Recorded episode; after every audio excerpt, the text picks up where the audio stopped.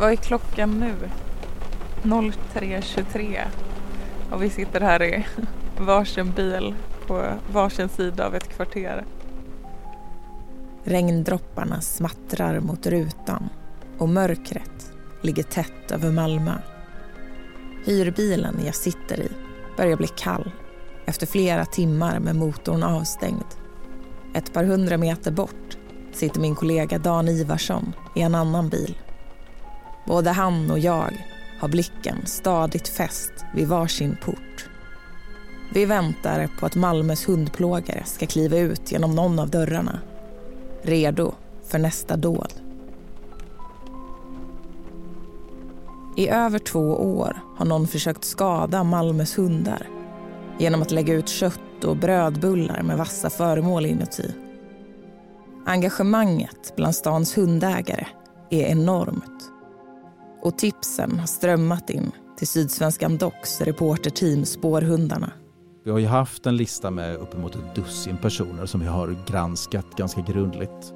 Men vår lista över misstänkta krymper. Det är mycket som måste stämma.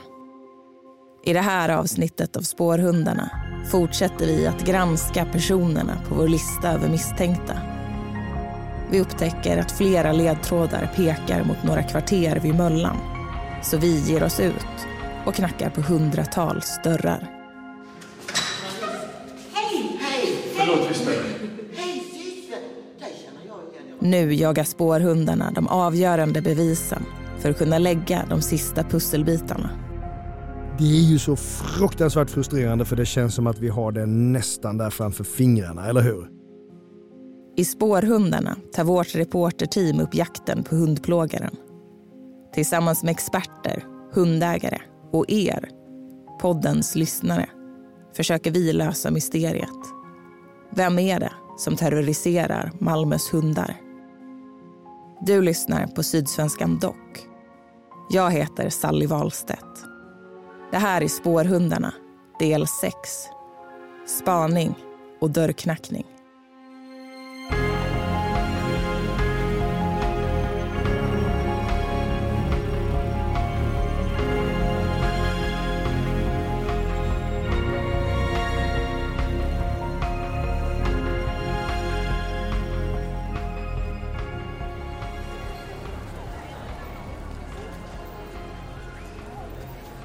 Möllevångstorget i Malmö. Under de randiga tälten är grönsaksförsäljningen i full gång och på uteserveringarna trängs gästerna i solen. Troligtvis bor hundplågaren mindre än en kilometer härifrån. Det säger den geografiska profileringen som vi tagit fram tillsammans med metodens grundare den kanadensiska kriminologiprofessorn och tidigare polisen Kim Rusmo du kan höra mer om vår geografiska profilering i avsnitt två av den här poddserien. Men kortfattat så bygger teorin på en grundidé. En gärningsperson undviker att begå brott i sina egna hemkvarter. Där är risken att bli igenkänd helt enkelt för stor. Professor Kim Rusmo. People don't want to operate too close to where they live. The person can leave the bun literally anywhere but they might be less reluctant, more reluctant, sorry, to leave a bun on their very own local block. När vi placerar ut hunddåden på en karta bildas en tom cirkel runt Möllevången, Rådmansvången och Södervärn. Men området innanför cirkeln är stort. Här finns lägenhetshus, köpcentrum, sjukhus och krogar. Innanför cirkeln bor över 20 000 personer. Men några av de personerna har blivit extra intressanta för oss. Kan vi berätta för lyssnarna var vi är för någonstans ungefär? Vi rör oss innanför den här eh, ringen som vi så klassiskt fick utpekat när vi gjorde geoprofileringen. Vi har en specifik, en specifik eh, person där vi har ett namn och en adress och det är här utanför vi står just nu. Det här är mina kollegor Joakim Palmqvist och Maria Lovén. De är ute på promenad genom området förbi adresserna där några av våra misstänkta bor. Vår lista bestod från början av ett dussintal personer. En del av dem har blivit betydligt mer intressanta på grund av var de bor. Andra har vi kunnat stryka från listan. Bland annat för att de helt enkelt bor på fel ställe. Spårhundarnas Julius Viktorsson. Det kombinerat med, med andra faktorer, till exempel att eh, den misstänkte till exempel bor med andra människor, inte bor ensam. Då sjunker sannolikheten i mitt huvud. Hur lever personen för övrigt? Eh, finns det någon historia av eh, psykisk sjukdom eller är den här personen dömd för brott tidigare? Det är många faktorer som behöver spela in. Men var personen bor tycker jag absolut är avgörande. Till exempel passar gärningsmannaprofilen väl in på en medelålders man som vi kallar kattplågaren. Han är bosatt i utkanten av cirkeln och under ett par dagar är han vår huvudmisstänkte. En man som passar precis på gärningsmannaprofilen. På millimetern när. Hämndvilja mot samhället, eh, historia av att eh, skada djur, kriminellt förflutet och så vidare. Och bosatt, vad säger du Julius? I utkanten? Ja, ja, ja, absolut. Men eh, på en rimlig plats skulle jag säga. På en rimlig plats, ja. Det fanns det ju då andra omständigheter som vi hittade när vi tittade närmare på honom. Och ja, jag var ju faktiskt och tittade till hans lägenhet och vilken våning han bodde på och sådär. Och skickade en annan eh, god vän på att kolla lite grann. Men eh, då kunde vi avfärda även honom. Men trots att namn efter namn kan strykas från vår lista finns fortfarande ett antal personer kvar som passar in både på geoprofilen och gärningsmannaprofilen. Och när vi fortsätter vår granskning blir plötsligt ett mönster tydligt. Flera ledtrådar pekar mot ett par kvarter nära Möllevångstorget. Vi har ju fått in flera uppgifter som har pekat mot eh, några kvarter i närheten av Möllevången. Dels uppgifterna i sig själv har varit intressanta, dels så har eh, själva området också passat in i den geografiska profileringen. Vår gärningsmannaprofil säger att hundplågaren läcker information på ett eller annat sätt. Och enligt professor Kim Rusmo kan det vara bra att dela resultatet av en geoprofilering med allmänheten. Det kan få boende i det aktuella området att tänka till. Och kanske till och med inse att de sitter på värdefull information. You got to be careful what's in the media because the offender will usually read that. But the other thing is we know most crimes are solved by information from the public. Most of the time, it makes sense not to disclose the profile results. But sometimes it can make sense if you think it could lead to generating new tips from the public in those areas where the offender most likely is based. Någon där ute måste veta mer.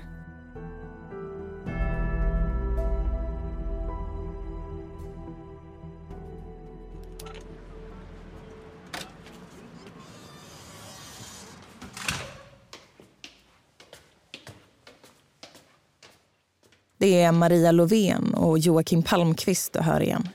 Men den här gången är de inte bara ute på en promenad för att se vart våra misstänkta bor. Den här gången är de på väg upp i en trappuppgång vid Möllan.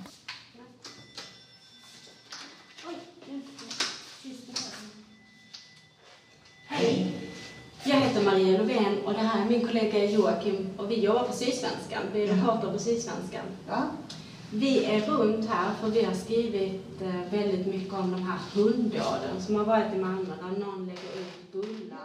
I en annan trapp, på en annan gata i närheten är Julius Viktorsson och Dan Ivarsson samtidigt i full gång med att knacka på andra dörrar och prata med andra grannar. Med sig har de specialgjorda flygblad.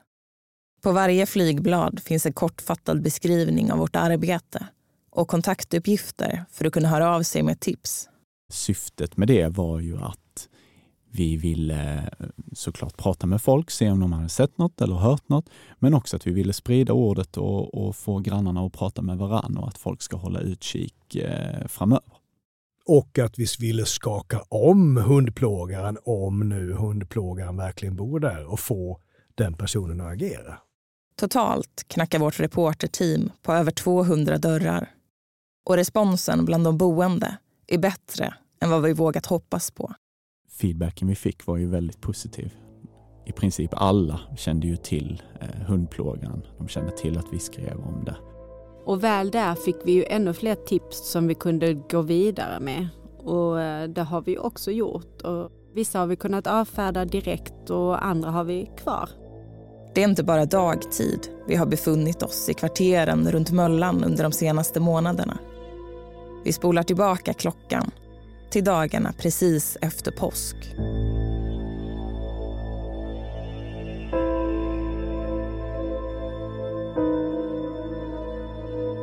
Så vi, eh, vi har alltså tagit beslutet nu att börja spana. Där är vi nu. Här var ett nytt dåd alldeles härom natten eh, på annandag påsk. Då någon var ute och la ut sådana här bullar. Så vi kan tänka att det här kan hända vilken natt som helst igen. Så eh, Sally, det är du och jag som kör första passet i natt va? Det är den 12 april och det har gått två dagar sedan mina kollegor Dan Ivarsson och Joakim Palmqvist hittade en hundbulle på Sallarupsvägen precis intill Östra kyrkogården.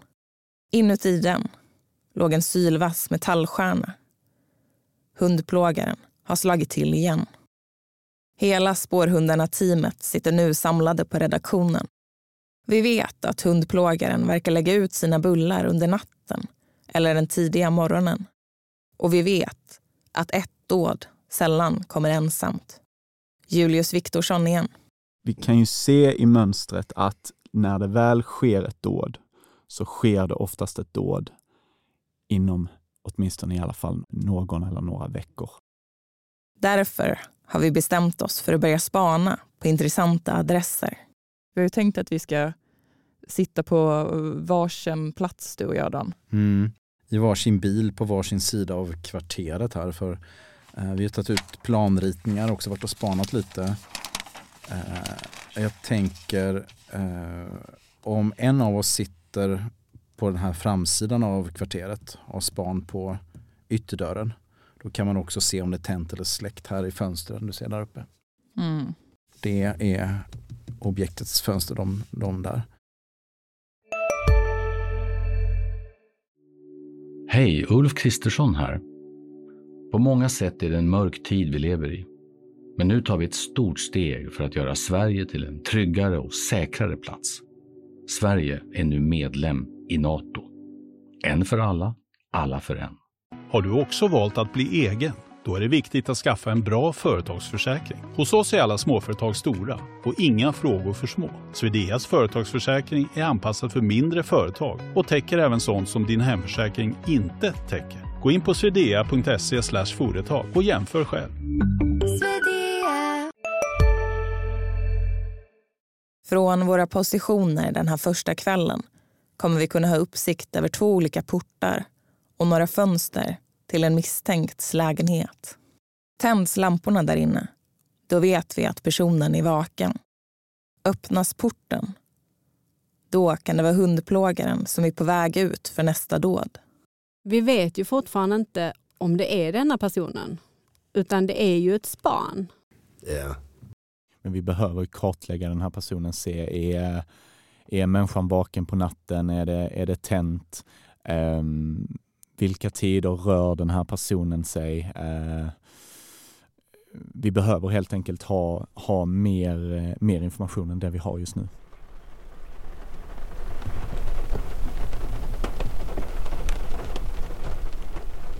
Det blir en lång natt i bilarna.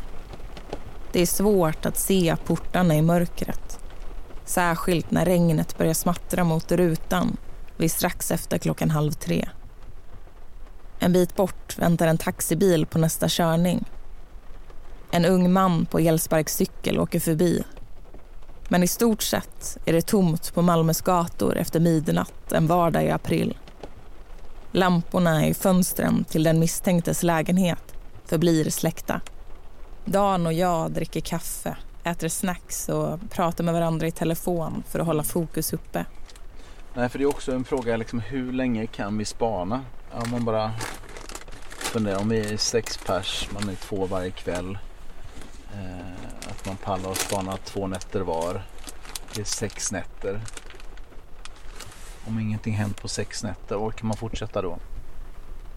Ja, men det blir så tydligt när man sitter här och ser så få personer att det är ju ganska lätt för hundplågaren under, och har varit under de här åren att ger man sig ut på natten eller tidig morgon så är det med största sannolikhet ingen som ser när du släpper de här bullarna på olika platser för det är inte så jäkla mycket folk i rörelse. När klockan närmar sig halv fyra dyker plötsligt en bil upp framför mig. Ur den kliver en person som liknar personen vi spanar på. Ansiktet är svårt att se i mörkret. Frisyren stämmer, men kroppsbyggnaden får mig att tveka. Personen slår in portkoden och försvinner in i trapphuset. Vi väntar spänt på om lamporna i lägenheten ska tändas. Men det gör de inte. Trots nederlaget den första natten fortsätter vi med våra nattliga spaningar. Ibland i bil, ibland ute på gatorna. Men ingenting händer och inga nya bullar dyker upp. Julius Viktorsson igen. Spaning i teorin låter ju väldigt spännande med kikare och groddräkter och eh, snutkaffe. Men eh, i praktiken så är det ett eh, sittunderlag. Det är eh, lite småkallt. Det är att sitta helt stilla på en mörk plats och stirra på en trappuppgång eller ett fönster och vänta på en lampa som ska tändas. Ja, det är extremt psykiskt påfrestande, det är det. Efter ett tag tvingas vi inse våra begränsningar. Vi kan inte fortsätta spana varje natt i hopp om att det till slut, kanske, ska ge någonting. Efter ett tag så, så avbröt vi, särskilt eftersom uppgifterna vi hade att gå på var ganska vaga. Men vad som hände sen då är att jag, jag kan inte ja. svara på hur många kvällar det var, med, eller hur många dygn. Det är bara några dagar ju. Ja, så kommer ett nytt dåd. Oerhört irriterande. Det var väl då, då Jorge Hermano hittade ute på Eriksfältsgatan i den här cykeltunneln. Det var en udda plats. Det det. Men alltså det är precis samma bullar.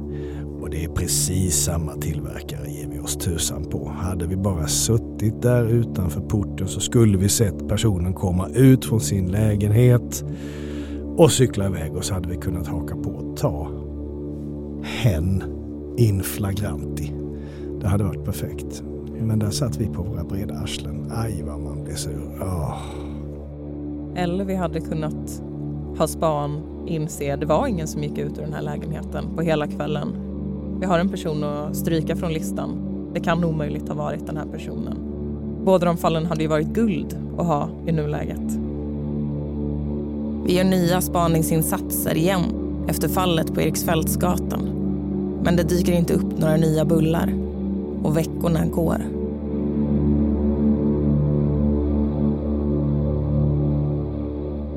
Hundplågaren har terroriserat Malmös hundägare i över två år.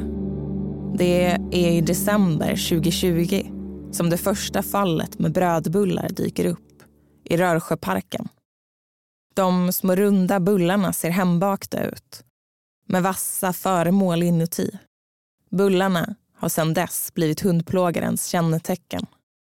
Men bland de över 160 polisanmälningar om farlig hundmat som har kommit in till polisen de senaste åren finns ett märkligt mönster. Under somrarna tycks dåden upphöra. Hej, Synoptik här. Hos oss får du hjälp med att ta hand om din ögonhälsa. Med vår synundersökning kan vi upptäcka både synförändringar och tecken på vanliga ögonsjukdomar. Boka tid på synoptik.se. Hej, Susanne Axel här. När du gör som jag och listar dig på en av Krys vårdcentraler får du en fast läkarkontakt som kan din sjukdomshistoria. Du får träffa erfarna specialister, tillgång till lättakuten och så kan du chatta med vårdpersonalen. Så gör ditt viktigaste val idag, lista dig hos Kry. Både 2021 och 2022 passerar hela juni och juli utan ett enda fall. Sorterar man bort alla anmälningar som inte rör de karaktäristiska brödbullarna så blir uppehållen ännu längre. Under 2021 dyker det inte upp en enda brödbulle under maj, juni eller juli. 2022 hittas brödbullar med metallbitar i den 18 februari. Sen dröjer det nästan åtta månader innan det dyker upp brödbullar igen. Kanske styrs pauserna av gärningspersonens psykiska mående. Kanske handlar det om rent praktiska omständigheter. Dan Ivarsson. Om man har en sommarstugeresa bort från stan eller eh, man har någon på besök kanske så att man inte kan eh, vara uppe på natten och slarva på det sättet. Det rör ju sig också fler ute på sommaren än vad det gör på vintern. Så att eh, risken att bli upptäckt är ju större på sommaren än på vintern. Baserat på vårt något knapphändiga statistiska underlag befinner vi oss troligtvis mitt i ett nytt uppehåll just nu. Vi får väl ändå utgå från att det blir en likadan sommar i år. Det finns en mycket markant skillnad jämfört med förra året. Och det är vi som sitter här nu. Alltså vi har lagt mycket resurs på eh, HD Sydsvenskan på detta. Och vi har gett väldigt mycket mer uppmärksamhet åt det. Mer koncentrerat och fokuserat. Och vi pekar var personen skulle kunna befinna sig eller bo. Det kan ju vara så att den här grejerna som kastades ute på Eriksfältsgatan, de bullarna som låg lite utanför den vanliga, det slängde personen där därför att hen tyckte vi hade kommit för nära och så ville hen leda bort spåren. Maria, som själv är matte till foxterriern Puck, har märkt en förändring bland Malmös hundägare den senaste tiden. Jag tycker väl att det kanske har lagt sig lite. Man ser färre hundar med munkorg. Man ser färre hundägare som går och tittar på marken framför sin hund. Det känns som att kanske lite har det gått tillbaka till hur det var innan. Och det kan ju också göra att eh, folk inte är uppmärksamma när det smäller till igen. För kriminologiprofessorn Kim Rusmo är tydlig. Den här sortens seriebrottslingar drar sig ofta tillbaka när förutsättningarna inte är helt rätt. Men det betyder inte nödvändigtvis att de har slutat för gott.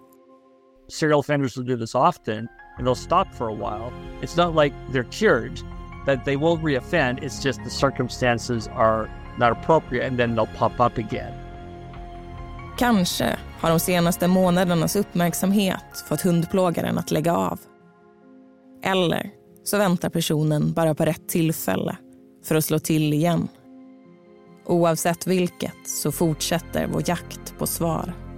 Stor uppmärksamhet, skräckslagen hundplågare, ensam, hämnare som inte vågar kasta ut bullar för att varenda hundägare i stan är ute efter henne eller honom. Vad gör den personen då? Hämndviljan mot samhället eller mot den omgivande världen lär ju finnas kvar. Vad händer nu? Kommer det bli ett nytt modus operandi här nu då alltså?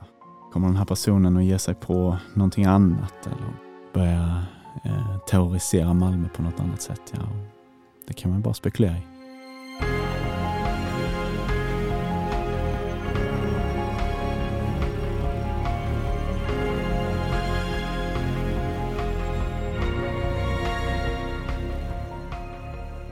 Följ Sydsvenskan Dock i din poddspelare för att inte missa nästa avsnitt. På sydsvenskan.se spårhundarna finns fler delar av vår granskning och kartor över var och när hunddåden har inträffat.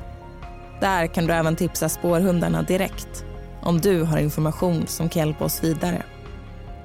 Reportrar i den här serien är Maria Lovén, Julius Viktorsson, Joakim Palmqvist och Dan Ivarsson. Poddproducent och manusförfattare är jag, Sally Wahlstedt.